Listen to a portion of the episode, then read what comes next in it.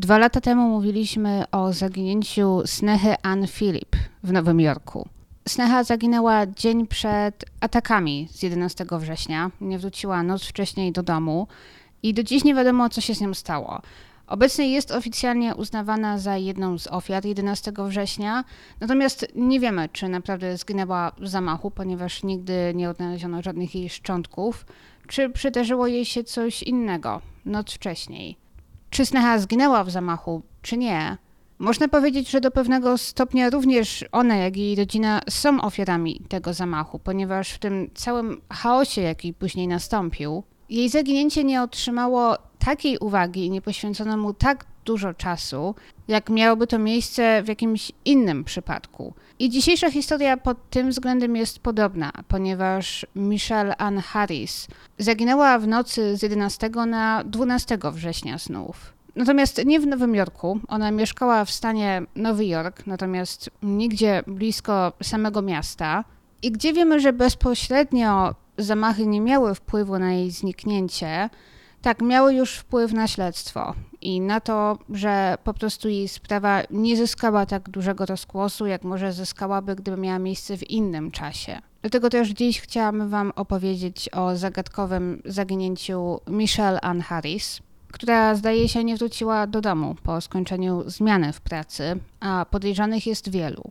Ale zanim o tym, to oczywiście witajcie w aneksie, jak zawsze. Ja mam na imię Aga, jeśli jeszcze się nie znamy. I wypuszczam nowe odcinki w każdą niedzielę.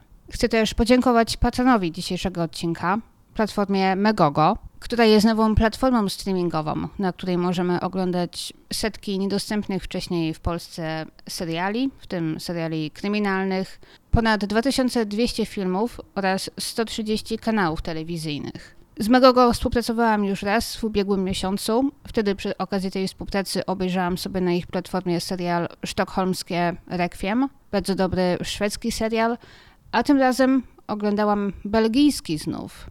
Thriller, serial kryminalny o tytule Nad wodą. Na Megogo są dwa sezony. Opowiada o mężczyźnie, Johnie, byłej gwieździe telewizji, który wychodzi z długiego odwyku i próbuje odbudować swoje rodzinne życie. Dzięki swojemu teściowi dostaje też pracę w biurze w Potcie, w wielkim Potcie w Antwerpii. Ale zaraz jego teść znika, a John wpada w plątaninę oszustw i intryg. Chyba po raz pierwszy w życiu oglądałam serial produkcji belgijskiej i było to bardzo odświeżające, muszę powiedzieć. Bo już to chyba kiedyś mówiłam, od jakiegoś czasu trochę przejadły mi się na przykład seriale amerykańskie, których swojego czasu bardzo dużo konsumowałam.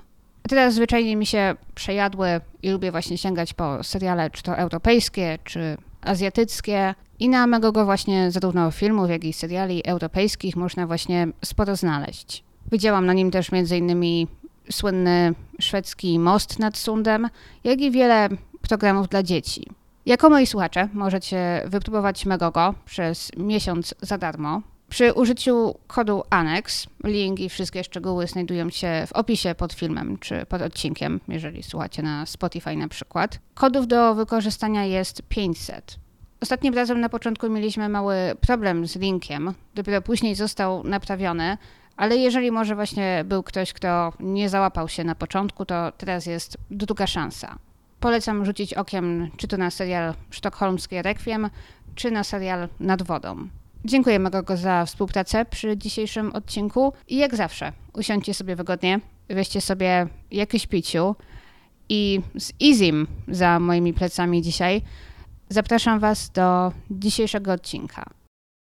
Michelle Ann Taylor poznała Calvina Harrisa gdzieś na początku lat 80.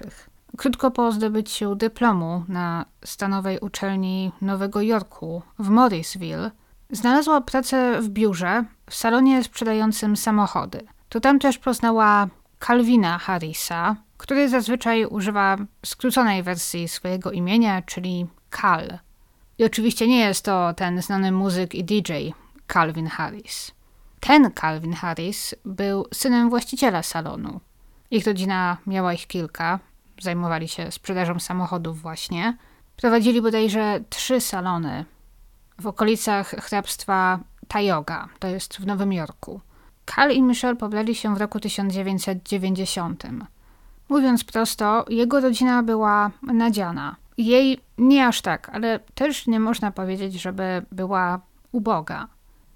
Po ślubie kupili duży dom na obrzeżach miasteczka Spencer, właśnie w hrabstwie Tioga w stanie Nowy Jork, w tym tak zwanym Upstate New York, czyli tym wszystkim, co znajduje się na północ od miasta Nowego Jorku.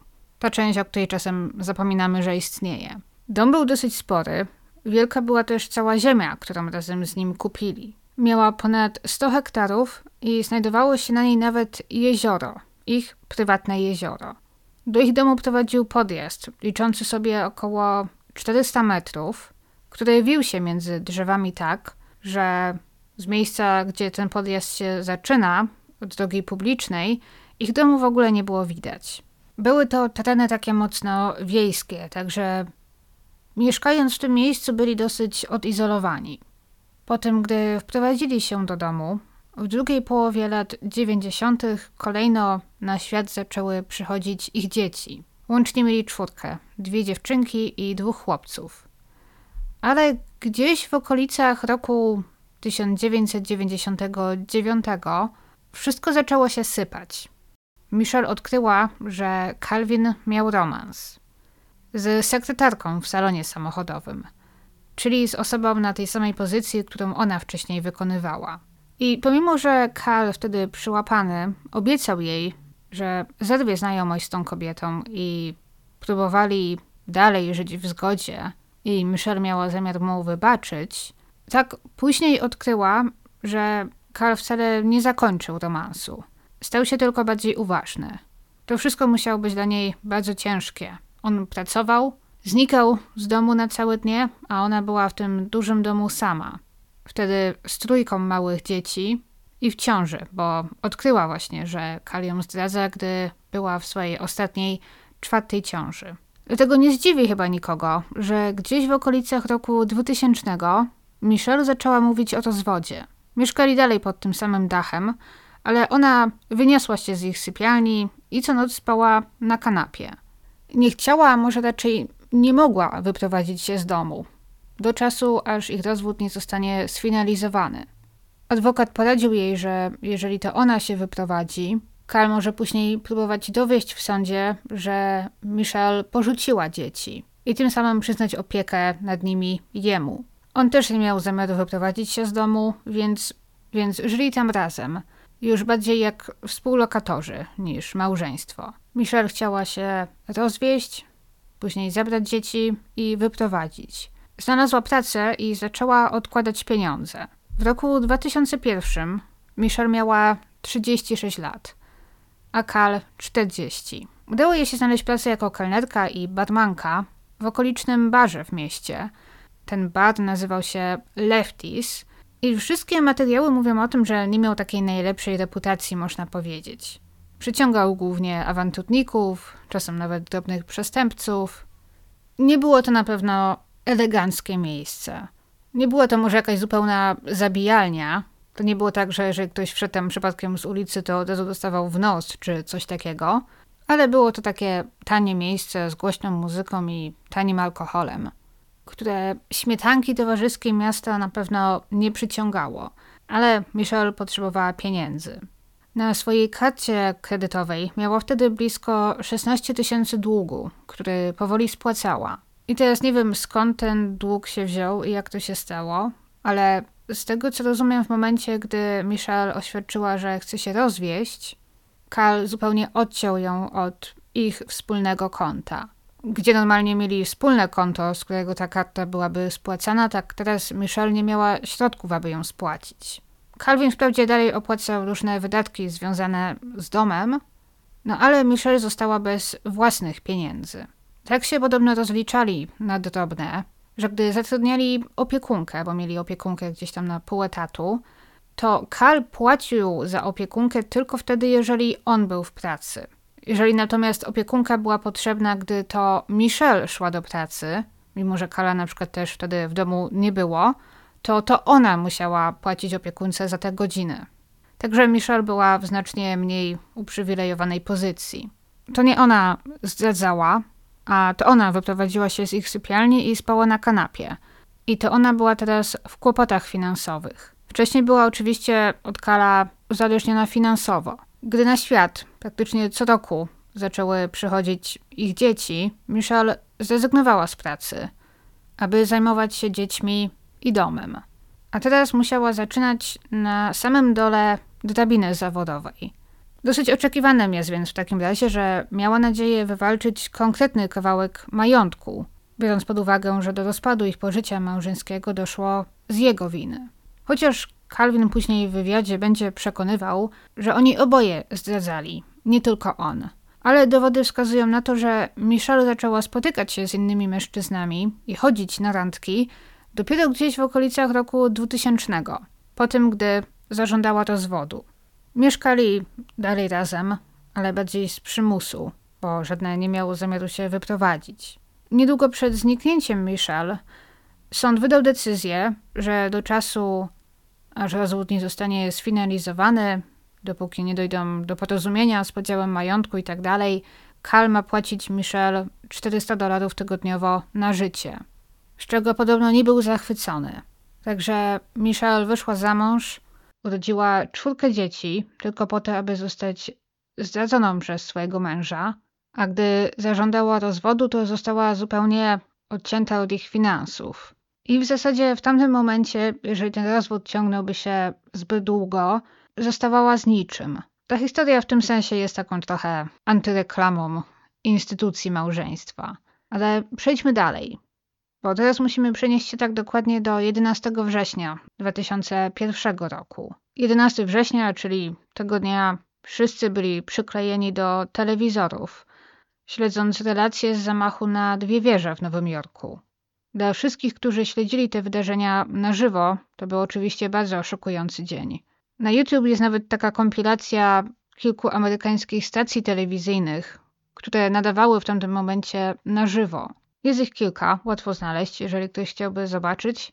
Wszystko zaczęło się o poranku i właśnie ciekawie jest zobaczyć, jak te wszystkie wcześniej wesołe programy śniadaniowe zajmujące się różnymi trywialnymi rzeczami, nagle zatrzymały swoje standardowe programy, aby nadawać na żywo. Jak na początku powoli zbierali wszystkie informacje i próbowali dojść do tego, co się dzieje. Spekulowali, bo na początku nie było wiadomo. Świadkowie jedni mówili, że widzieli samolot, inni niczego nie widzieli. Później spekulowali, jaki samolot uderzył. Czy to była awionetka, czy jakiś większy samolot, czy był to wypadek, czy nie. Po pierwsze, bodajże 17 minut od pierwszego uderzenia było takim chaosem, ale jeszcze nikt nie brał tego zbyt poważnie. Stało się coś złego, ale to wciąż mógł być tylko wypadek. Dopiero o godzinie 9.03, gdy drugi samolot uderzył w południową wieżę, stało się jasne, że to wcale nie był wypadek. Cały naród, a zaraz cały świat oglądał płonące wieże na żywo. Wtedy oczywiście już wszystkie stacje telewizyjne nadawały na żywo.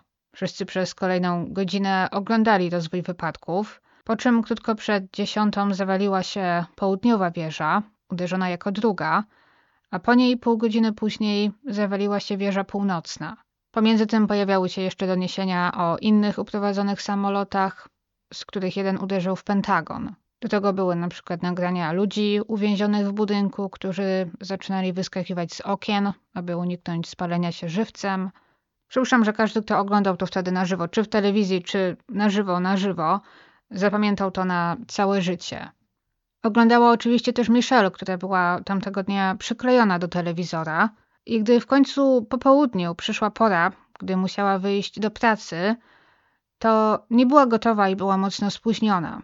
Jej uniform do pracy, koszulka polo i shorty nie wyschły na czas i Michelle nie miała się w co ubrać. A wiemy to z zeznania jej opiekunki, Barb, która wtedy była w domu i miała zająć się dziećmi. To Barb powie też, że Michelle poczyniła wtedy do niej taką uwagę, że będzie musiała przełożyć wyjazd do Nowego Jorku, który planowała na następne dni. Miała w Nowym Jorku przyjaciółkę z koledżu, i miała do niej przyjechać, z tego co wiem, na jedną noc z 13 na 14 września. I głównym powodem tej wizyty miało być odwiedzenie kilku lombardów i zastawienie swojej drogiej biżuterii, innymi pierścionka zaręczynowego z diamentem i zegarka Rolexa. Miała nadzieję w ten sposób zebrać ładną, małą sumkę gotówki. Tym samym oczywiście zacząć spłacać swoje długi i mieć jakieś oszczędności. No ale teraz stało się dla niej jasne, że pewnie przez najbliższe tygodnie przynajmniej do tego Nowego Jorku nie pojedzie. Końcu jednak wyszła, pojechała do pracy, trochę spóźniona. Domyślam się, że całą jej zmianę goście i obsługa rozmawiali tylko o jednym i domyślam się, co leciało w telewizji cały dzień. Zmiana Michelle skończyła się o 21. I tutaj wszystkie szczegóły zaczynają się trochę rozmywać. Policja ustaliła, że po swojej zmianie Michelle została, aby wypić jednego drinka z dwójką współpracowników. Porozmawiali krótko, po czym Michelle wyszła, około 21.30. Po drodze zatrzymała się w domu innego mężczyzny, z którym zaczęła się w tamtym czasie spotykać. Nazywał się Brian Early. Jak on znów powie policji, Michelle została do niego do około 23, po czym odprowadził ją do samochodu, pocałował na pożegnanie i Michelle odjechała do domu. Jeżeli to prawda, to Brian jest ostatnią osobą, która przyznała przynajmniej widziała Michelle. Następnego poranka jej mąż obudził się w ich domu i odkrył, że Michelle nie ma. I wygląda na to, że w ogóle nie wróciła na noc. Ponieważ nie miał czasu, aby przygotować dzieci do szkoły, zadzwonił po ich nianię, która mieszkała mniej niż 10 minut drogi samochodem od ich domu. Poprosił, aby przyszła i wyszykowała dzieci do szkoły. Barbara więc zerwała się i zaraz była w drodze. Swoją drogą chyba niełatwo miała jako ich niania, bo to był jej dzień wolny. Teraz Karl dzwoni z samego rana, o siódmej rano, bez uprzedzenia, że jest potrzebna, a ona zrywa się i pędzi. Mam nadzieję, że chociaż dobrze jej płacili. I to właśnie ona, w drodze do nich, tuż przed wjazdem na ich posesję, tam gdzie zaczynał się ten ich długi podjazd i gdzie domu jeszcze nie było widać, na poboczu natrafiła na samochód Michelle, na ich rodzinnego minivana, którym Michelle zazwyczaj jeździła. Samochód był zaparkowany na poboczu. Zdziwiło ją to, bo Calvin powiedział jej przez telefon, że Michelle nie ma i dlatego potrzebuje jej pomocy. Więc nie do końca wiedziała, co tam robił jej samochód. Ale pojechała dalej i w ich domu dowiedziała się, że Michelle tam nie ma. Calvin powiedział jej, że nie wie, gdzie podziewa się jego jeszcze żona. Wydawało mu się, że nie wróciła w ogóle do domu na noc i nie wiedział też o tym, że przed ich podjazdem znajduje się jej samochód. Wrócili więc w tamto miejsce, aby się temu przyjrzeć. Może Michelle po prostu wypiła za dużo po wczorajszym tragicznym dniu i teraz śpi tam w tym samochodzie. Ale samochód był pusty. Otworzyli drzwi do samochodu bez problemu i odkryli, że kluczyki dalej znajdują się w stacyjce. Poza tym w samochodzie nie było żadnych innych śladów. Niczego, co mogło wskazywać na to, co stało się z Michelle. Barbara zezna, że Calvin w ogóle nie przejmując się tym, co mogło stać się z Michelle i dlaczego tak porzuciła tutaj swój samochód, jeżeli to była ona, i poprosił ją zamiast tego, aby zabrała samochód do ich salonu samochodowego, tego, który prowadził. Powiedział, że ten minivan jest strasznie brudny i przydałoby się porządne czyszczenie. Poprosił, żeby go tam zabrała i obsługa go tam dla nich umyje. A sam pojechał do pracy. Później Barb, pomiędzy przygotowywaniem dzieci do szkoły, zadzwoniła z ich telefonu stacjonarnego na komórkę Michelle, ale nie otrzymała odpowiedzi. Nie wiem jednak, czy telefon był wyłączony, czy może usłyszała sygnał.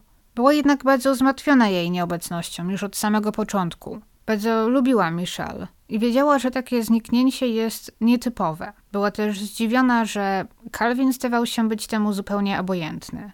Tym, co pomogło, było to, że Michelle tamtego dnia, 12 września, miała umówione spotkanie ze swoim adwokatem, który miał poprowadzić dla niej jej sprawę rozwodową i nie pojawiła się na tym spotkaniu. I od razu potem biuro adwokata powiadomiło policję o jej zniknięciu. To podobno było coś, co zawsze robili, jeżeli klient, klientka tak nagle zniknęli. Zwłaszcza w takim przypadku, gdy chodziło o burzliwy rozwód. Zwyczajnie bali się o bezpieczeństwo Michelle w tamtym momencie. Jej zniknięcie więc zgłoszono dosyć prędko. Wszystko wskazuje też na to, że prawnicy wiedzieli, jak zgłosić policję swoje obawy i że od razu zaznaczyli, że to Kala należy przede wszystkim zapytać, że to on jest podejrzany. Dzięki ich ingerencji policjanci jeszcze tego samego popołudnia pojechali do jego pracy, aby wypytać o Michelle. W tamtym momencie w ich hrabstwie zostały tylko małe zespoły przedstawicieli prawa, powiedzmy. Strażaków, ratowników, policjantów, na wypadek czegoś nagłego. Bo cała reszta została odesłana do Nowego Jorku, aby pomóc w zabezpieczaniu i ratowaniu ludzi wciąż uwięzionych pod gruzami. To właśnie chyba ingerencji prawnika Michelle możemy zawdzięczać, że jej sprawę potraktowano od razu poważnie. Policjanci wypytali Calvina o Michelle. Ten zdawał się nie wiedzieć, co stało się z jego żoną. Powiedział, że widział ją ostatni raz dzień wcześniej i że odkrył dopiero rano, że najwyraźniej nie wróciła na noc do domu. Zaproponował takie wyjaśnienie, że pewnie zostawiła tam samochód i pojechała do Nowego Jorku, że ktoś po nią przyjechał i ją odebrał. I pojechała do Nowego Jorku, do tej koleżanki z koledżu, tak jak planowała. Co oczywiście zupełnie nie miało sensu. Po pierwsze, dlaczego nie zostawiłaby samochodu pod domem, tylko w takim dziwnym miejscu? Po drugie, z kim miałaby do tego Nowego Jorku pojechać? Kto ją odebrał? A po trzecie, przecież powiedziała dzień wcześniej, że w obliczu tych zamachów teraz na pewno do Nowego Jorku nie pojedzie. Także jego propozycja nie miała sensu. Ale jednocześnie Calvin wyraził chęć do współpracy. Nie był wrogi w żaden sposób. Jeszcze tego samego dnia pozwolił policjantom przeszukać dom. Nie stawiał oporu, nie wymagał nakazu, po prostu pozwolił im wejść. Pod jego nieobecność. To jego obojętność co do tego, co stało się z Michelle, dziwiła, ale może z drugiej strony dziwne byłoby, gdyby za bardzo się tym przejął, no bo w końcu byli na wojennej ścieżce. Rozwodzili się i mieszkali razem tylko z konieczności. Ustalono, że razem z Michelle zaginęła też jej torebka, jej portfel, telefon komórkowy oraz taki mały woreczek, który podobno nosiła w torebce, w którym znajdował się właśnie jej pierścionek zaręczynowy i ten zegarek, który miała zamiar sprzedać. To wszystko przepadło razem z nią. Później przeprowadzono poszukiwania i między innymi dokładnie sprawdzono ziemię, na której mieszkali, ich ziemię, której było dosyć sporo, sporej części pokrytej lasem, plus oczywiście to jezioro, które również dokładnie później przeszukano przy użyciu sonaru, sprowadzono też nurków, ale niczego nie znaleziono. Karl później też zaproponował taką opinię, że jego zdaniem Michelle mogła wpaść w jakieś kłopoty – Powiedział, że odkąd zaczęła pracę w tym barze, zaczęła nadużywać alkoholu i narkotyków i spotykać się z wieloma mężczyznami. Gdzie Michelle faktycznie zaczęła ponownie chodzić na randki i piła alkohol, nikt nie zgłosił, nikt inny nie zgłosił, aby zaczęła go nadużywać. Nigdzie też nie było słowa o narkotykach. 14 września dom przeszukano raz jeszcze. Tym razem dokładniej, bo 12 września policjanci przeszukali dom, sprawdzili go ale bardziej po to, aby upewnić się, że Michelle na pewno tam nie ma. Że nie jest tam uwięziona na przykład, że nie potrzebuje pomocy, że nie ma żadnych wyraźnych śladów, że stało się coś złego. A teraz szukano dokładniej. Zauważono malutkie krople krwi w garażu oraz w przejściu pomiędzy kuchnią a garażem. Głównie na podłodze, też na drzwiach i na ścianie, ale bardzo nisko. Krwi było jednak naprawdę niewiele. Tak mało, że nawet nie udało się z całkowitą pewnością potwierdzić, że była to krew Michelle. Potwierdzono najpierw, że była to krew ludzka, mimo że nawet nie w zupełności, ponieważ kilka mniejszych śladów okazało się pochodzić od ich psa. Później ustalono, że było kilka kropel, znalezionych zarówno w garażu, jak i w kuchni, które pochodziły albo od Michelle, albo od kogoś z nią spokrewnionego. Więc teoretycznie nie dało się wykluczyć, że to nie była na przykład krew jednego czy jednej z ich czwórki dzieci. Kiedy ta krew tam wylądowała i z jakiego powodu, to do dziś jest obiektem sporów. Z tego co wiem, testy luminorem nie wykazały, aby było tam coś więcej, aby gdziekolwiek w domu było więcej krwi, która na przykład została posprzątana. W materiale Crime Watch na przykład pokazane są zdjęcia zrobione przez policję, które zaprezentowano w czasie procesu i są to naprawdę małe ilości. Nie można mówić o jakimś rozlewie krwi na przykład. Może bardziej tak, jakby ktoś chodził ze skaleczonym palcem i ta krew skrapnęła w kilku miejscach. Albo też można zasugerować takie rozwiązanie. Ktoś przeszedł tamtędy z jakimś narzędziem, obiektem pokrytym krwią i ta krew wylądowała w kilku miejscach. Nie jest więc dziwnym, że w tym wszystkim policja przede wszystkim skupiła się na Calvinie Harrisie. Zacznijmy od tego, że statystycznie, gdy jeden z małżonków ginie, to ten drugi zwykle jest pierwszym podejrzanym. Poza tym w domu były te niewielkie ilości krwi, a Calvin zdawał się mieć bardzo oczywisty motyw burzliwy rozwód. Calvin podobno nie był zachwycony z tego, że teraz ma płacić żonie 400 dolarów tygodniowo na życie, co w jego wypadku nie było dużą kwotą, patrząc na jego zarobki. Jego wartość, jego majątek szacowano gdzieś na 5 milionów. I można przypuszczać, że gdyby się rozwiedli, to Michelle byłaby uprzywilejowana gdzieś do pewnie połowy tej kwoty. Ale przed jej zaginięciem wciąż byli w takim procesie, na takim etapie negocjacji. Adwokat Kala złożył adwokatowi Michelle taką ofertę. Jeżeli rozwiodą się za obopólną zgodą, nie pójdą przed sąd, to on jej zapłaci teraz bodajże około 30 tysięcy dolarów takiego zadośćuczynienia, a później przez tam następne 10 lat będzie płacił jej 50 tysięcy dolarów rocznie. W to miały wliczać się też alimenty na dzieci.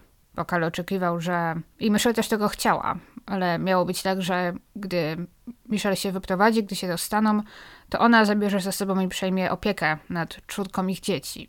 Odrzuciła tę ofertę więc, bo miała zamiar w sądzie walczyć o więcej. Jej prawnicy na pewno poradzili jej, że jest w stanie wywalczyć dużo więcej w sądzie. Bo oczywiście mogli kłócić się o wszystko, co razem mieli. Ich dom, ziemia, samochody, to wszystko było warte duże miliony. Michelle złożyła wniosek o profesjonalną wycenę majątku, w tym jego firm, wszystkich inwestycji. I już sama wycena kosztowała około 30 tysięcy i Kal miał za to zapłacić. Znów podobno był wściekły, bo zapowiadało się właśnie, że biorąc pod uwagę okoliczności ich rozstania, to, że on był winny rozstaniu, to on dopuścił się zdrady. Prognozy były takie, że Michelle mogła liczyć na znacznie wyższe alimenty i oczywiście sporo pieniędzy, jeżeli będą musieli sprzedać dom i podzielić się zyskami i tak. Do tego oczywiście pieniądze na przykład ze sprzedaży domu i ziemi, bo Calvin miał zamiar zostać w tym domu i dalej w nim mieszkać i oczekiwał, że Michelle po prostu się z niego wyprowadzi i nie będzie dościła do niego żadnych praw. Na co znów ona nie miała zamiaru się godzić.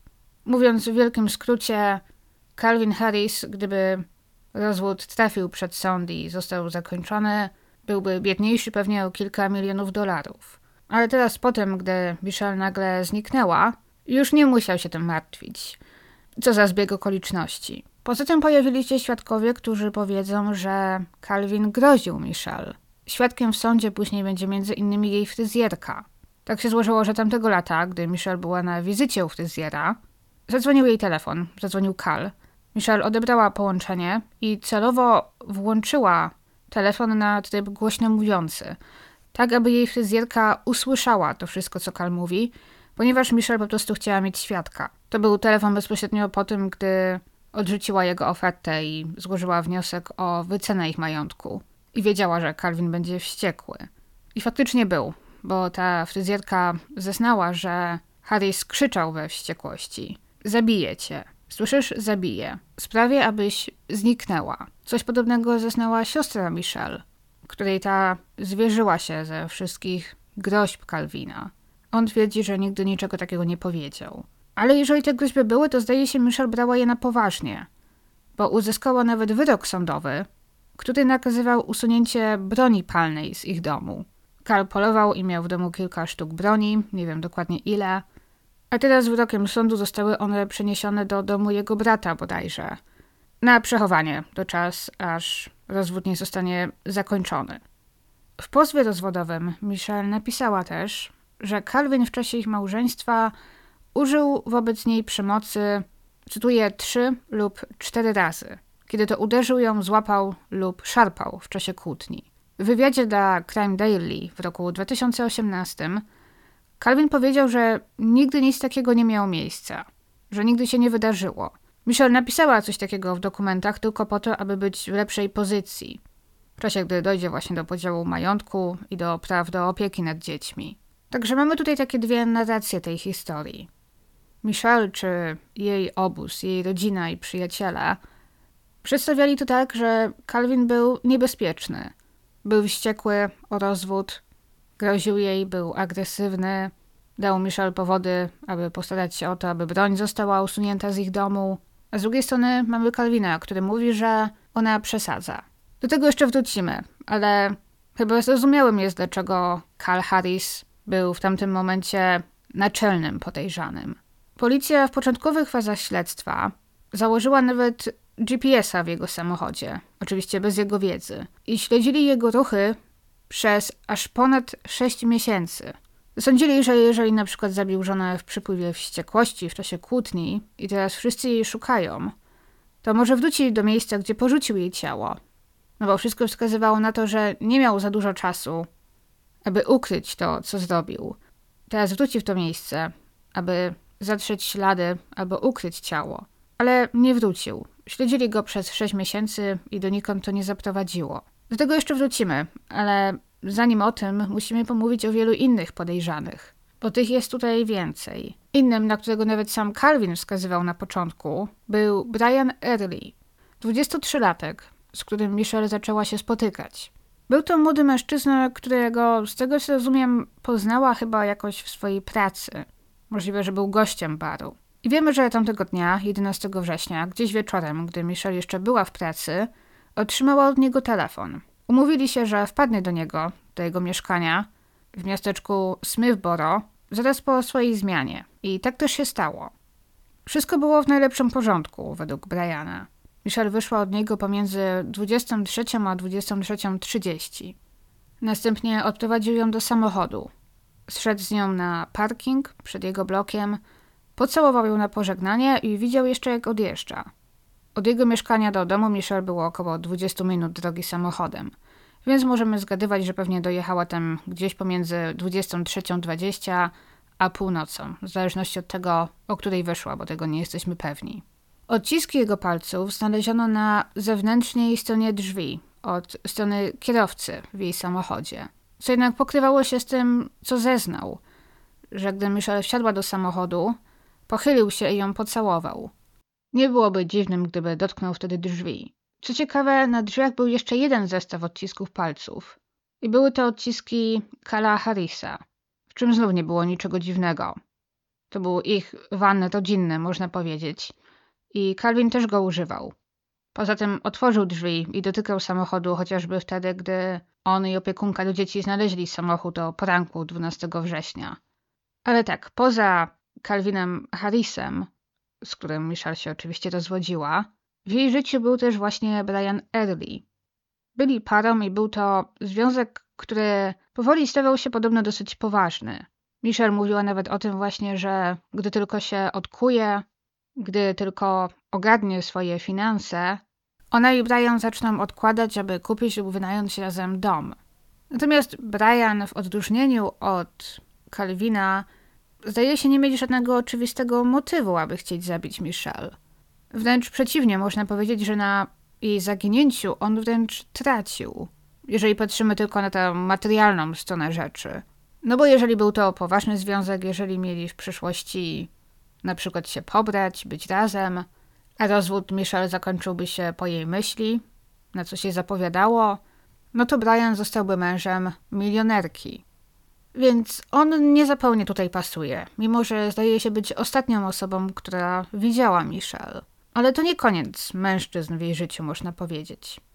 Bo był jeszcze mężczyzna nazwiskiem Michael Casper. Pamiętacie, powiedziałem, że przed wyjściem z baru po swojej zmianie tamtego dnia Michelle została na około pół godziny i z dwoma współpracownikami wypiła jednego drinka. Jednym z nich był właśnie kierownik baru, Michael Casper. Jak Kasper powiedział policji, oni jakiś czas wcześniej również mieli krótki romans. W tajemnicy przed wszystkimi. Zakończyli go jednak na kilka miesięcy przed jej zniknięciem, gdy Michelle zdaje się zdecydowała, że będzie spotykać się z Brianem Early na poważnie. Natomiast jak Michael powiedział, nie było między nimi żadnego konfliktu i postrzegał on Michelle jako swoją przyjaciółkę. Może o tym może faktycznie świadczyć chociażby fakt, że Michelle poświęciła pół godziny po pracy, aby wypić z nim drinka. Powiedziałam, że był z nimi jeszcze jeden współpracownik i był to kucharz tego baru, nazwiskiem Michael Hakes, więc mamy tutaj dwóch Michaelów. I Michael Hakes okazuje się być kolejnym ciekawym podejrzanym w tej historii. Z jeszcze innego powodu. Gdzie tutaj pomiędzy nim a Michelle nie było żadnego romansu czy żadnych romantycznych uczuć. W ogóle ona znała Michaela od niedawna, ponieważ on przeniósł się w tamte okolice i zaczął pracować w barze stosunkowo niedawno. A przeniósł się tam tak niedawno, ponieważ zaledwie rok wcześniej wyszedł z więzienia w stanie Arizona, gdzie odsiadywał dziesięcioletni wyrok za gwałt i atak. I tak się złożyło, że udało mu się jakoś ukryć tę swoją kryminalną przeszłość przed swoim pracodawcą. Także nikt w ich barze, w tym Michelle, nie wiedziała o jego przeszłości. Możliwe jednak, że tych dwóch Michaelów byłoby pewnie w większych kłopotach, gdyby nie zeznania Briana, do którego ta pojechała po pracy i wiemy, że była wtedy cała i zdrowa. Michael Hakes okazał się też mieć, powiedzmy, jako takie alibi, bo jego dziewczyna zeznała, że przyjechał do niej prosto po pracy, gdzieś przed 22 i spędził u niej noc. Także w tym dniu prowadzącym do jej zniknięcia wiemy, że Michelle ma wokół siebie jest w towarzystwie czterech mężczyzn. Swojego męża, który jest na nią wściekły, swojego nowego chłopaka, mężczyzny, z którym miała romans i skazanego gwałciciela, który dopiero co wyszedł z więzienia. Mimo to jednak to wciąż Calvin wydawał się najbardziej oczywistym sprawcą. Jeżeli oczywiście zakładamy, że w ogóle Michelle padła ofiarą przestępstwa, padła ofiarą morderstwa, bo znów to jest tylko założenie, nie mamy pewności. Nigdy nie znaleziono jej czy jej ciała. Na ciekawą rzecz zwróciła też uwagę ich niania, która powiedziała, że wcześniej, nawet już po tym, gdy się rozstali, Karl wciąż wykazywał czasem dosyć takie kontrolujące zachowania w stosunku do Michelle. Gdy nie było jej w domu, wydzwaniał do niej, chciał wiedzieć, gdzie jest, co robi. Gdy wracała późno do domu, znów wypytywał, z kim była, co robiła. Bo ciekawa rzecz, mimo że on ją właśnie zaczął zdradzać i nie traktował jej dobrze, on przez cały czas nie chciał tego rozwodu. Wiecie, on chyba będzie liczył na to, że będzie po prostu miał ładną żonę w domu z dziećmi, która nie będzie zadawała pytań, czy nie będzie się w żaden sposób stawiała, a on sobie będzie robił na boku to, co chce. Jednak jak zauważyła ich opiekunka, tym razem Michelle nie wróciła do domu na noc, co nie zdarzało się często albo nie zdarzało się w ogóle. A on tym razem tego nie dostrzega do następnego poranka. Nie podjął też żadnej większej próby odnalezienia jej. Miał jej zniknięcie zupełnie w poważaniu. Mało tego, od początku traktował tę sprawę, jakby Michelle zniknęła na dobre. Podobno już pod koniec września poprosił nawet Barb, aby zebrała rzeczy Michelle i zorganizowała wyprzedaż garażową, aby się ich pozbyć. Powiedział jej, że mogą podzielić się pieniędzmi ze sprzedaży po połowie. Barb była zdziwiona. Michelle nie ma jakieś dwa tygodnie, a on już ma pewność, że ona nie wróci. Od razu też otwarcie zaczął spotykać się z inną kobietą. I tutaj nie wiem, czy ten związek trwał dłużej, ale był wcześniej w tajemnicy, czy może zaczął się z nią spotykać dopiero po zniknięciu Michelle. Bo była to kobieta, którą znał od lat i która była gdzieś tam dawno, dawno temu w przeszłości jego dziewczyną. Ta kobieta właśnie później zezna, że potem, gdy Michelle zniknęła, Calvin zaczął ją często zapraszać do ich domu. Wcześniej oczywiście tego nie robił. Zaprosił ją nawet dokładnie 29 września. Wtedy wypadały urodziny Michelle i ta kobieta o tym wiedziała. Gdy zapytała go o to, czy nie martwi się, że może jednak Michelle na przykład wróci dziś do domu i ją tutaj zastanie, ten odpowiedział jej, nie martw się, ona już nie wróci. Przynajmniej tak później zeznała. Ale co ciekawe, dodała też, że mimo tego wcale nie uważała, że Calvin jest zdolny do morderstwa i że nie sądzi, że zabił swoją żonę. Przez następne kilka lat Karl żył sobie dalej spokojnie, nie nękany przez nikogo. Dzieci dalej z nim mieszkały. Sprawa Michelle pozostawała otwarta. I dzieci oczywiście teraz są dorosłe i dalej mają kontakt z ojcem. Mało tego, są po jego stronie. Nie wierzą, aby ich ojciec miał cokolwiek wspólnego ze zniknięciem Michelle. Stoją za nim murem. Co jest ciekawe, bo z tego co wiemy, cała czwórka, oczywiście byli mali, wtedy mieli tam po kilka lat, najstarsze dziecko miało chyba 5 czy 6 lat, ale wszyscy byli wtedy w domu i spali. Jeżeli Michelle wróciła do domu i została zaatakowana przez Kala na przykład w kuchni czy garażu, na co mogą wskazywać te nieduże krople krwi, to dzieci jakimś sposobem niczego nie usłyszały. Co znów wskazuje na to, że jeżeli to Kal jest winny, to musiał zaatakować Michelle jednak może gdzieś poza domem, lub przynajmniej zrobić to cicho i sprawnie. Co znów wyklucza trochę fakt, że była to na przykład zbrodnia w afekcie, że Kal był wściekły na Michelle, że zaczęła się jakaś kłótnia, w wyniku której zrobił jej krzywdę. W takim wypadku dzieci pewnie by coś usłyszały. Oczywiście trzeba pamiętać też o tym, że dom był dosyć duży. Nie wiem, czy na przykład jeżeli ktoś był w sypialni na górze, to czy usłyszałby coś, co dzieje się w garażu tego domu. I w tych pierwszych latach wydało się, że sprawa zostanie nierozwiązana. I to się nie duszy w żadnym kierunku. Jednak nagle, w roku 2005, we wrześniu, cztery lata po zniknięciu Michelle, Kalowi nagle postawiono zarzuty morderstwa drugiego stopnia. Calvin został aresztowany, ale wyszedł później na wolność za kaucją. Przez prawie dwa lata oczekiwał na proces na wolności. Do jego procesu, do pierwszego procesu, doszło w roku 2007. Co ciekawe, na fakt, że został aresztowany dopiero w roku 2005, zdaje się, wcale nie wpłynęły żadne nowe dowody. Nic się nie zmieniło, po prostu tak długo z tym zwlekano. Cała sprawa była w zasadzie zbudowana na tych kroplach krwi znalezionych w domu. Sugerowano, że Karl zaatakował Michelle, gdy ta wróciła późno w nocy z pracy. Mogło to być coś, co wydarzyło się w afekcie, przypływ wściekłości, zazdrości za to, że wróciła do domu tak późno, albo zaplanowane wcześniej działanie. Według tej wersji Karl miał uderzyć Michelle w głowę tępym narzędziem, a następnie zabrać jej ciało dokądś, zabrać je gdzieś i ukryć, możliwie na przykład zakopać w lesie – Losów wokół nich było sporo, więc szanse, że ktoś natrafiłby na jej grób były naprawdę niskie. Możliwe, że przetransportował jej ciało jej vanem, którym dopiero co wróciła do domu. Stąd też pomysł, aby następnego dnia umyć jej samochód. Swoją drogą samochód został zabrany przez policję, ale niczego w nim nie znaleziono. Żadnych śladów krwi, niczego podejrzanego w bagażniku na przykład. Jeżeli faktycznie tak było, to Harris musiałby jakoś zawinąć ciało Michelle Także nie został po nim żaden ślad w samochodzie. Mówiąc o jego procesie, to również gwiazdą, można by rzec, strony oskarżającej był dr Henry Lee, nasz stary znajomy, ekspert medycyny sądowej i przede wszystkim właśnie ekspert od badania śladów krwi. Tego, jak ta krew spada, jak się rozpryskuje i co to oznacza. Możecie kojarzyć go jako konsultanta czy świadka w sądzie w wielu innych sprawach. Był konsultantem m.in. przy sprawie Jobany Ramsey, Hele Crafts, Lacey Peterson, Michaela Petersona i chyba najbardziej kojarzony jest z procesem O.J. Simpsona. A teraz dr Lee pojawia nam się w kolejnej sprawie, bo właśnie w czasie procesu Kala Harrisa. Dr Henry Lee ma obecnie 84 lata i trzeba może też powiedzieć, że w czasie swojej kariery spotkał się z kilkoma zarzutami, że nie jest obiektywny w swoich zeznaniach, czy wręcz, że celowo je fabrykuje. Niedawno, bo w zeszłym roku, sąd federalny uznał Henry'ego winnym sfabrykowania dowodów w sprawie morderstwa mężczyzny nazwiskiem Everett Carr.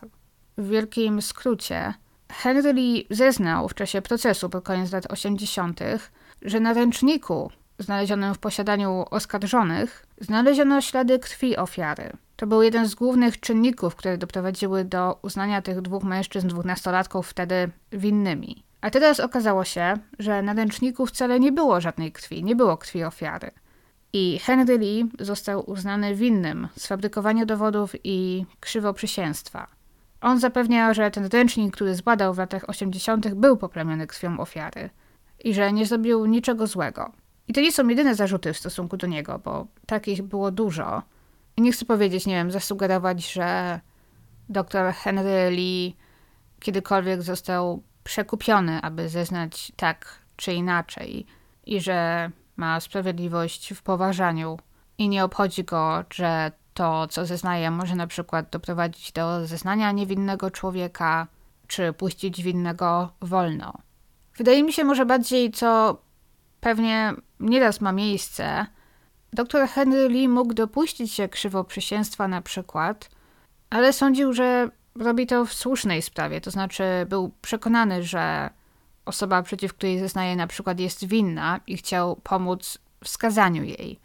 No ale wracając do procesu Calvina Harrisa. Tutaj Henry Lee zeznał, że zdjęcia krwi zrobione w domu 14 września, a więc dwa dni po zniknięciu Michelle, przedstawiają krew świeżą, która nie mogła być starsza niż może kilka dni, z powodu jej bardzo intensywnego czerwonego koloru. Co miało zupełnie wykluczać argument użyty przez Calvina, że ta krew pojawiła się tam na przykład znacznie wcześniej, przy okazji jakiegoś wypadku. Wspomniał, że pamięta o przynajmniej jednym incydencie rok wcześniej, gdy jego sen skaleczył się w garażu. A pamiętajcie, nie ustalono, czyja to była krew na 100%.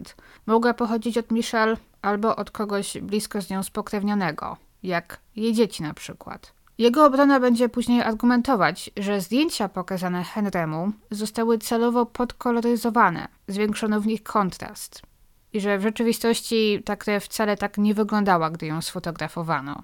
Ale zeznanie Henry'ego Lee, jak i zeznania bliskich, jak na przykład siostra Kala, siostra Michelle, czy jej fryzjerka, o kontrolującym zachowaniu Harrisa i po przedstawieniu jego motywu, wszystko to wystarczyło, aby 7 czerwca 2007 roku ława przysięgłych uznała Calvina Harrisa winnym morderstwa drugiego stopnia, ale nigdy nie odbył za to żadnego wyroku, bo w sprawie miało odbyć się drugie posiedzenie, kiedy to miało dojść do podjęcia decyzji o długości jego kary.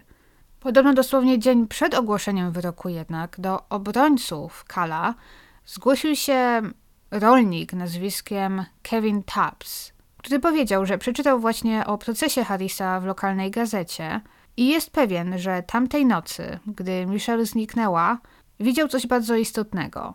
Okazuje się, że Kevin Tubbs był poniekąd sąsiadem Harrisów. Mówię poniekąd, bo tam domy były w tak dużym oddaleniu od siebie, że ze swoich domów ani nie widzieli swoich domów, ani swoich podjazdów i wciąż był to dosyć duży kawał drogi. Ale Kevin Tubbs był jedną z osób, które mieszkały najbliżej. I jak to w życiu rolnika bywa, 12 września o poranku Tubbs wstał wcześnie rano, aby wziąć się do pracy. Gdy około 5.30 przejeżdżał ciągnikiem, dosyć powoli, przejeżdżał drogą, tuż przed wjazdem na posesję Harrisów, zwrócił uwagę na dwa samochody zaparkowane przy wjeździe. Obok nich zobaczył blond kobietę i młodego mężczyznę, kłócących się. Kobieta wyglądała na złom, zdawała się płakać lub być pijana. Kevin był pewien, że mężczyzną, którego wtedy z nią widział, nie był Calvin Harris. Tym drugim samochodem zaparkowanym w pobliżu był ciemny pick-up. Oczywiście jego historia z jednej strony mogła być prawdziwa, mimo że ciężko uwierzyć, że nie usłyszał o zaginięciu swojej sąsiadki przez 6 lat, że nie usłyszał o żadnych szczegółach tej sprawy i nie skojarzył wcześniej, że mógł widzieć coś istotnego. Aż tu nagle przeczytał o skazaniu jej męża w gazecie i zorientował się, że widział coś ważnego dokładnie o poranku 12 września 2001 roku, czyli 6 lat wcześniej, i że po tych 6 latach tak wszystko dokładnie pamiętał. Z tym, że tutaj znów ówczesny klimat, powiedzmy, mógł zadziałać na kilka ciekawych zbiegów okoliczności. Wszystko miało miejsce w nocy po zamachach w Nowym Jorku i Waszyngtonie. I chyba każdy Amerykanin, który był na tyle dorosły, aby pamiętać tamte wydarzenia, powie, że pamięta, co robił tamtego dnia i pewnie też w następnych dniach. Tak bardzo to się oczywiście na nich odbiło. Więc teoretycznie to może być jeden z tych niewielu przypadków, gdy fakt, że ktoś pamięta dobrze wydarzenia jednego dnia i jednej nocy sprzed wielu lat, może faktycznie mieć sens. Muszę też powiedzieć, że może mieć sens, że Kevin Tubbs na początku w ogóle nie usłyszał o zniknięciu Michelle. Że nie skojarzył, że tamtej nocy, gdy ją widział, to była noc jej zaginięcia. W innym czasie zaginięcie kobiety w ich okolicy byłoby pewnie ważnym tematem, tematem numer jeden, omawianym przez wszystkich. Ale gdy dochodzi do tego w tym samym czasie, kiedy wszyscy widzą w telewizji i prasie donosy z zamachów 11 września, i tylko to wszystkich przejmuje i tylko o tym wszyscy mówią, to ma sens, że ta informacja mogła wtedy do niego nie dotrzeć. No ale trzeba się też zgodzić, że jednak jego nagłe pojawienie się z tymi rewelacjami na kilka dni przed podjęciem decyzji o długości wyroku Harrisa, to zdaje się być jednak aż nazbyt szczęśliwym zrządzeniem losu dla skazanego. Ale co ciekawe, sąd zgodził się wziąć pod uwagę jego zeznania i uznał go za wiarygodnego świadka. Możliwe właśnie, że ze względu na te wcześniej wspomniane czynniki. Uznał też, że zeznanie Kevina zupełnie zburzyło wersję prokuratury o tym, że Harris zabił żonę około północy, po czym spędził noc ukrywając jej ciało, pozbywając się dowodów. Doszedł do wniosku, że jeżeli Michelle żyła o 5.30 rano, a już o 7 rano Calvin Harris dzwonił po opiekunkę do dzieci, to nie było szans, aby w tak krótkim czasie zabił żonę, pozbył się jej ciała i wrócił do domu. I sędzia, uwaga, unieważnił jego proces. Nawet nie chodziło o to, że ten mężczyzna, z którym Michelle miała być widziana, mógł być odpowiedzialny za jej zniknięcie. Chodziło raczej o to, że zupełnie burzyło to wersję przedstawioną w sądzie o tym, co stało się z Michelle, prawdopodobnie. Harris więc odszedł wolno, ale nie na długo, bo oczywiście czekał go kolejny proces. Ale nie wiem, czy słyszałam wcześniej o sprawie, w której sąd unieważnił proces tylko na podstawie zeznania świadka, który pojawił się w ostatniej chwili. W sumie w momencie, gdy decyzja o winie oskarżonego już zapadła. I gdy ten świadek pojawił się, twierdząc, że pamięta ze szczegółami coś, co wydarzyło się wiele lat wcześniej. Ale w roku 2009 Harris stanął przed sądem po raz drugi. W czasie tego procesu jego obrona próbowała użyć zeznania mężczyzny nazwiskiem John Steele. Jego zeznanie w końcu nie trafiło na salę sądową i przysięgli nigdy go nie usłyszeli, ponieważ John Steele zmarł, zanim doszło do procesu, jednak on okazał się być kolejnym świadkiem, który miał twierdzić, że przejeżdżał w tym samym miejscu około 6 rano 12 września i również zapamiętał czarnego pick-upa. Mimo, że zeznał, że nikogo nie widział, miał powiedzieć, że słyszał męski głos krzyczący wsiadaj do samochodu. Ostatecznie jednak tego zeznania nigdy nie użyto, jednak ponownie zeznał Kevin Tubbs. W ogóle obrońcy Harrisa Próbowali nawet nie tyle przed sądem udowodnić, że jest on niewinny, a nawet znaleźć innych podejrzanych, których policja może zignorowała. I tak musimy w tej historii przedstawić jeszcze dwóch kolejnych mężczyzn. Po pierwsze, Stacey'ego Stewarta, stałego bywalca pubu Lefties, gdzie Michelle pracowała, który przeniósł się do Nowego Jorku z Teksasu gdzieś w roku 2001 i kupił dom jedynie 11 km w linii prostej od domu Michelle i Kala. A po śmierci Michelle, jak ustalili, bardzo prędko wrócił do Teksasu, sprzedając znowu zakupiony dom. Nawet nie zaczął go spłacać, gdy już go sprzedał. Miał wtedy 25 lat i jeździł właśnie czarnym pick-upem. Stacy miał znajomego, również bywalca pubu, również pochodzącego z Teksasu, nazwiskiem Christopher Thomason. Wiem, kolejne nazwisko obiecuję już ostatnie – jak pokazują policyjne dokumenty, Thomason i Stewart zostali przesłuchani po zniknięciu Michelle, nawet poddani badaniu wariografem, ile to jest warte, i ostatecznie wykluczeni przez policję. Sąd jednak nie dopuścił tych informacji do procesu, ponieważ uznał, że nie było żadnego związku ze sprawą Michelle. Znaczy, jedyny związek był taki, że ci mężczyźni chodzili do klubu, w którym Michelle pracowała i przyznali, że Znali ją stamtąd, ale poza tym nic ich nie łączyło. Wtedy też ława przysięgłych uznała Calvina Harrisa po raz drugi winnym morderstwa drugiego stopnia. I tym razem Harris usłyszał wyrok. 25 lat pozbawienia wolności. Oczywiście apelował, zapierał się nogami i rękami i w październiku 2012 roku po apelacjach faktycznie otrzymał nowy proces. A to dzięki temu, że jego adwokaci zwrócili uwagę na kilka mniejszych błędów podczas poprzedniego procesu. To jest z tego, co widziałam, też dosyć częste, gdy ktoś zostaje uznany winnym i chce apelować, to jego obrońcy wertują wszystkie transkrypty z procesu, wszystko, co zostało powiedziane, zrobione, jakie decyzje podjęto i szukają najmniejszego uchybienia, powodu do unieważnienia procesu na przykład. Bo w zasadzie w większości procesów znajdą się jakieś mniejsze błędy czy uchybienia.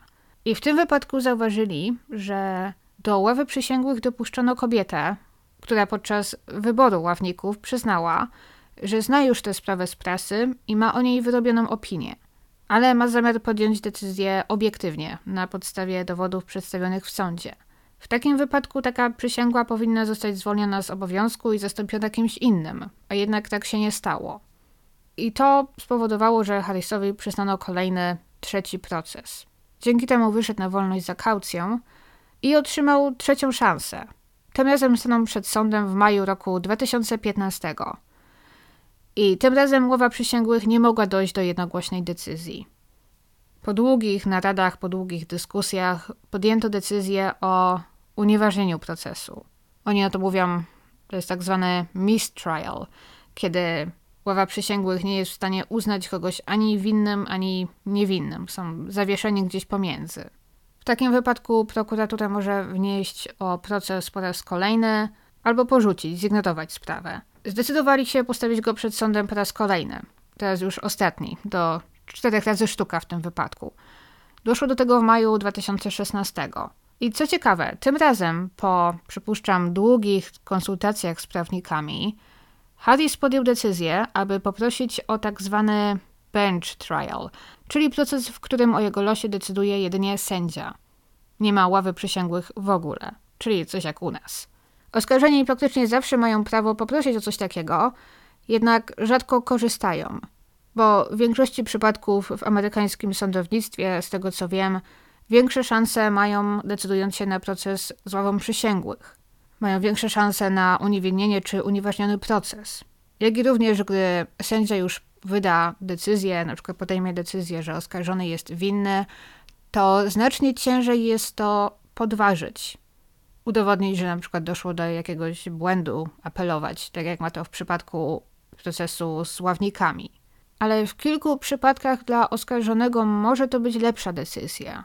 Na przykład, gdy w czasie procesu ważne są jakieś bardzo zawiłe formalności prawne, czy oskarżony może mieć powody obawiać się, że łowa przysięgłych będzie na przykład kierować się uprzedzeniami w jego przypadku. Było to oczywiście duże ryzyko w przypadku sprawy Calvina Harrisa. Taka trochę gra w ruletkę, po prostu postawił wszystko, co ma na jedną decyzję. Albo zostanie uznany winnym i koniec, do widzenia, idzie do więzienia na pewnie dwadzieścia kilka lat, albo zostanie uniewinniony i to zamknie sprawę. Jego obrońcy wtedy próbowali znów przedstawić więcej dowodów. Znów skupili się na tym Stacey Stewardzie i jego kumplu Christopherze Thomasonie.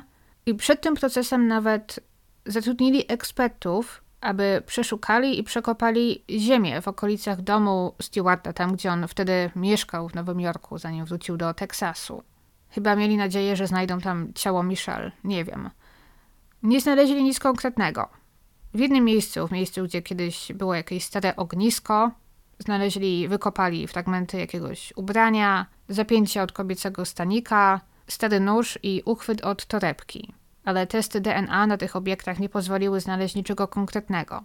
Żadnych dowodów, że te rzeczy należały do Michelle. Nie było tam na przykład jej DNA, nie znaleziono też żadnych ludzkich szczątków, nic z tych rzeczy. Jedynie resztki ubrań i torebki. I próbowano dowodzić, że pasują one do ubrań i do torebki Michelle, jakie ona ze sobą miała, gdy zaginęła. Ale sęk w tym, że Michelle oczywiście zaginęła w 2001 roku.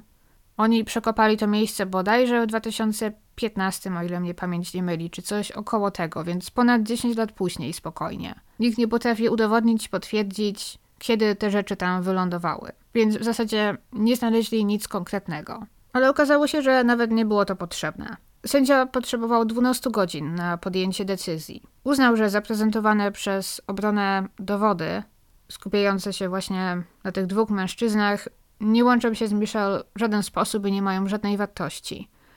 Ale uznał też, że jednocześnie dowody na winę Harrisa były praktycznie żadne że wcale jednoznacznie nie wskazują na to, że to on jest odpowiedzialny za zniknięcie Michelle. Tym samym uniewinnił go, zamykając sprawę raz, a porządnie. Harris walczył z systemem przez ponad 10 lat i w końcu wygrał uniewinnienie. On przez cały czas do dziś utrzymuje, że jest niewinny i że sprawa od początku została zaniedbana przez policję i że popełnili błąd skupiając się jedynie na nim – z czym ja się nie zgadzam, ponieważ on zdecydowanie od początku wydawał się być najbardziej prawdopodobnym podejrzanym.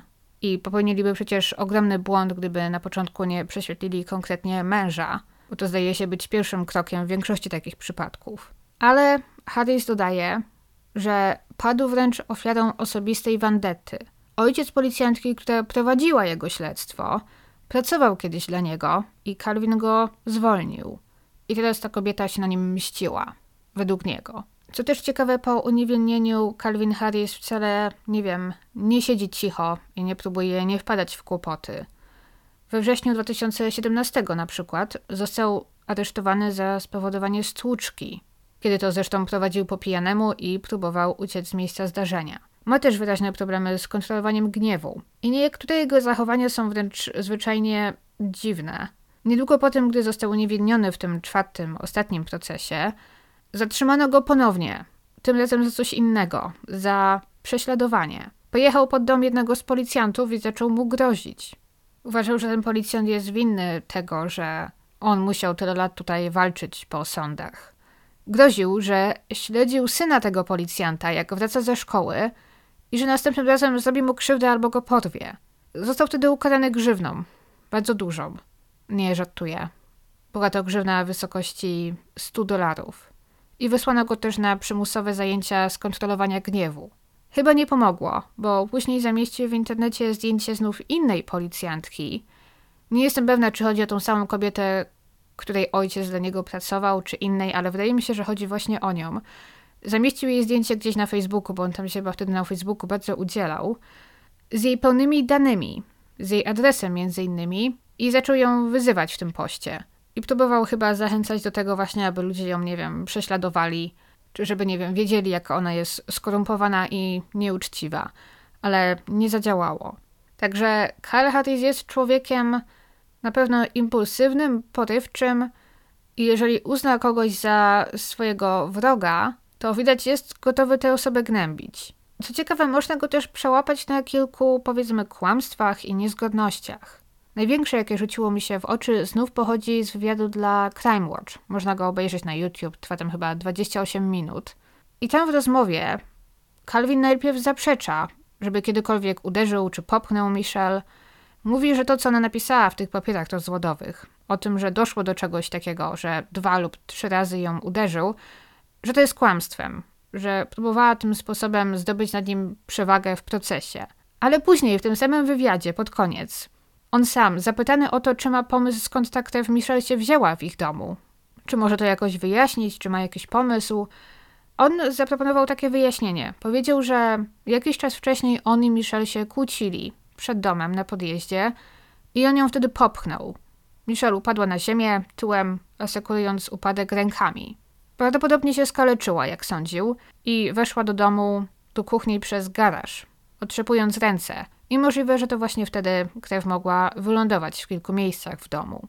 I już abstrahując od tego, bo w sumie dalej nie wiemy, kiedy ta krew się tam znalazła i jak, i nie wiadomo, czy ma coś wspólnego z tą sprawą, czy nie, ale widzicie, jak Kal tak brnie w to wszystko za bardzo. Najpierw nigdy nie zdobił krzywdy Michelle, nigdy jej nie uderzył, nie popchnął, to było kłamstwem. Ale zaraz opowiada o tym, że w czasie kłótni ją popchnął, że upadła, skaleczyła się w rękę. Ostatni raz, gdy sprawdzałam popchnięcie kogoś tak mocno, że się przewraca, też jest przemocą. I znów, jak nie pałam do niego sympatią, tak fakt, że dopuścił się przemocy w stosunku do Michelle, osobiście wierzę, że tak było, to wciąż jeszcze nie znaczy, że ją zabił. Nie przedstawia go to w najlepszym świetle i czyni go bardziej prawdopodobnym podejrzanym, ale wciąż nie ma żadnych dowodów na to, że ją zabił. Nie jest on na pewno człowiekiem, do którego łatwo poczuć sympatię. Wszystkie wywiady, jakie z nim widziałam, wszystko co nim wiadomo, wydaje się być zrozumiały, nieszczery i sposób, w jaki mówi o Michelle, o zaginionej matce swoich dzieci, z którą nie wiadomo co się stało, mocno mi to nie leży. I na pewno on ze wszystkich miał najwięcej powodów, aby zabić Michelle. Najbardziej na tym zyskał. A jej samochód znaleziono w pobliżu ich domu, co zdaje się wskazywać na to, że Michelle, jeżeli zaginęła, to właśnie gdzieś w jego pobliżu. Ale nie da się też ukryć, muszę się zgodzić z tym, że uznanie go winnym jednak nie jest zupełnie w porządku, bo nie ma przeciwko niemu żadnych solidnych dowodów. I ta sprawa pod tym względem nie daje mi spokoju. Bo nie pamiętam, kiedy innym razem poznałam historię, w której nie było żadnych solidnych dowodów na to, że ktoś jest winny, a ja jestem tak mocno przekonana o tym, że jest winny. Jest to oczywiście tylko moje odczucie, które może być zupełnie błędne. Ale do dziś nie wiemy, co stało się z Michelle. Nigdy nie znaleziono jej ciała, żadnego narzędzia zbrodni, nikt niczego konkretnego nie widział, nie słyszał. Może poza Kevinem Tapsem, ale znów pojawia się pytanie, czy na pewno można mu wierzyć. Wszystko po prostu wygląda tak, jakby Michelle jechała do domu, zaparkowała samochód przed podjazdem, wysiadła i zniknęła. I no właśnie, to jest ciekawe, bo najczęściej przedstawionym scenariuszem, jeżeli chodzi o to, co jej się stało, jest chyba to, że Michelle wróciła tamtej nocy do domu, dojechała do domu, zginęła w domu zaatakowana przez Kala, który następnie zabrał jej ciało i gdzieś ukrył, a jej ciało porzucił na podjeździe. Nie mógł zostawić go przed domem, bo wtedy byłoby to zbyt oczywiste, że Michelle zdołała wrócić do domu. Ale jednocześnie nie miał możliwości, aby zabrać ten samochód nigdzie dalej. Jeżeli nie miał wspólnika, no to przecież nie miał jak wrócić do domu. Nie mógł porzucić samochodu wiele kilometrów dalej i na przykład wrócić pieszo. Dlatego porzucił go przed podjazdem, przed domem. To była taka odległość, że mógł normalnie wrócić do domu. Samochód nie był widoczny z domu. Jednocześnie dzięki temu zorganizował to wszystko tak, że to ich opiekunka znalazła samochód, a nie on. On mógł udać, że nie wie, jak ten samochód się tam znalazł. Ale ja mam wrażenie, że możliwe, że Michelle w ogóle nie wróciła do domu tamtej nocy, że jej noga nie postanęła w ich domu i że ta krew w garażu faktycznie pochodzi z jakiegoś innego wydarzenia. Bo mnie też się wydaje, że gdyby faktycznie została tam zaatakowana, to tej krwi byłoby znacznie więcej. A wiemy praktycznie na pewno, że jej tam nie było. Jestem przekonana, że gdyby doszło tam do jakiegoś rozlewu krwi, policja znalazłaby tego ślady. Mnie się znów wydaje, że to Michelle zostawiła tam ten samochód, ten, gdzie go znaleziono. Ale nie celowo, bo chciała uciec czy zaginąć, a dlatego, że kogoś tam spotkała. To znaczy, ja sobie wyobrażam coś takiego. Michelle wraca do domu i na podjeździe spotyka Harrisa, swojego męża, który na przykład siedzi tam, nie wiem, w swoim samochodzie. I on na przykład ją stamtąd porwał, wciągnął ją do swojego samochodu. Wcale nie użył jej samochodu. Jej samochód został tam, gdzie ona go zostawiła. Jeżeli Harris planował pozbyć się Michelle, to znacznie więcej sensu ma to, że nie pozwoliłby jej w ogóle dojechać, wrócić do domu tamtej nocy. No bo przecież ryzykował, że ich dzieci coś zobaczą albo usłyszą. Bo nie sądzę, że jeżeli wydarzyło się coś innego, na przykład Michelle zginęła z ręki kogoś innego, to ta osoba celowo pojechałaby i porzuciła jej samochód przed wjazdem do jej domu. To w ogóle nie miało sensu. Jeżeli mieliby gdzieś porzucić ten samochód, to w jakimś zupełnie innym miejscu, tak aby nie został tak łatwo znaleziony. Ale jestem ciekawa, co wy sądzicie. Jestem ciekawa, czy też macie tak mocne odczucia co do tego, że Calvin Harris jest winny, jak ja, mimo że nie ma żadnych konkretnych dowodów, czy może nie. Dziękuję Megogo za bycie patronem dzisiejszego odcinka. Polecam rzucić okiem na serial Nad wodą albo Sztokholmskie Requiem. I jesteście super, jeżeli dosłuchaliście do tego momentu. Dzięki za słuchanie, dzięki za oglądanie i słyszymy się za tydzień. Pa!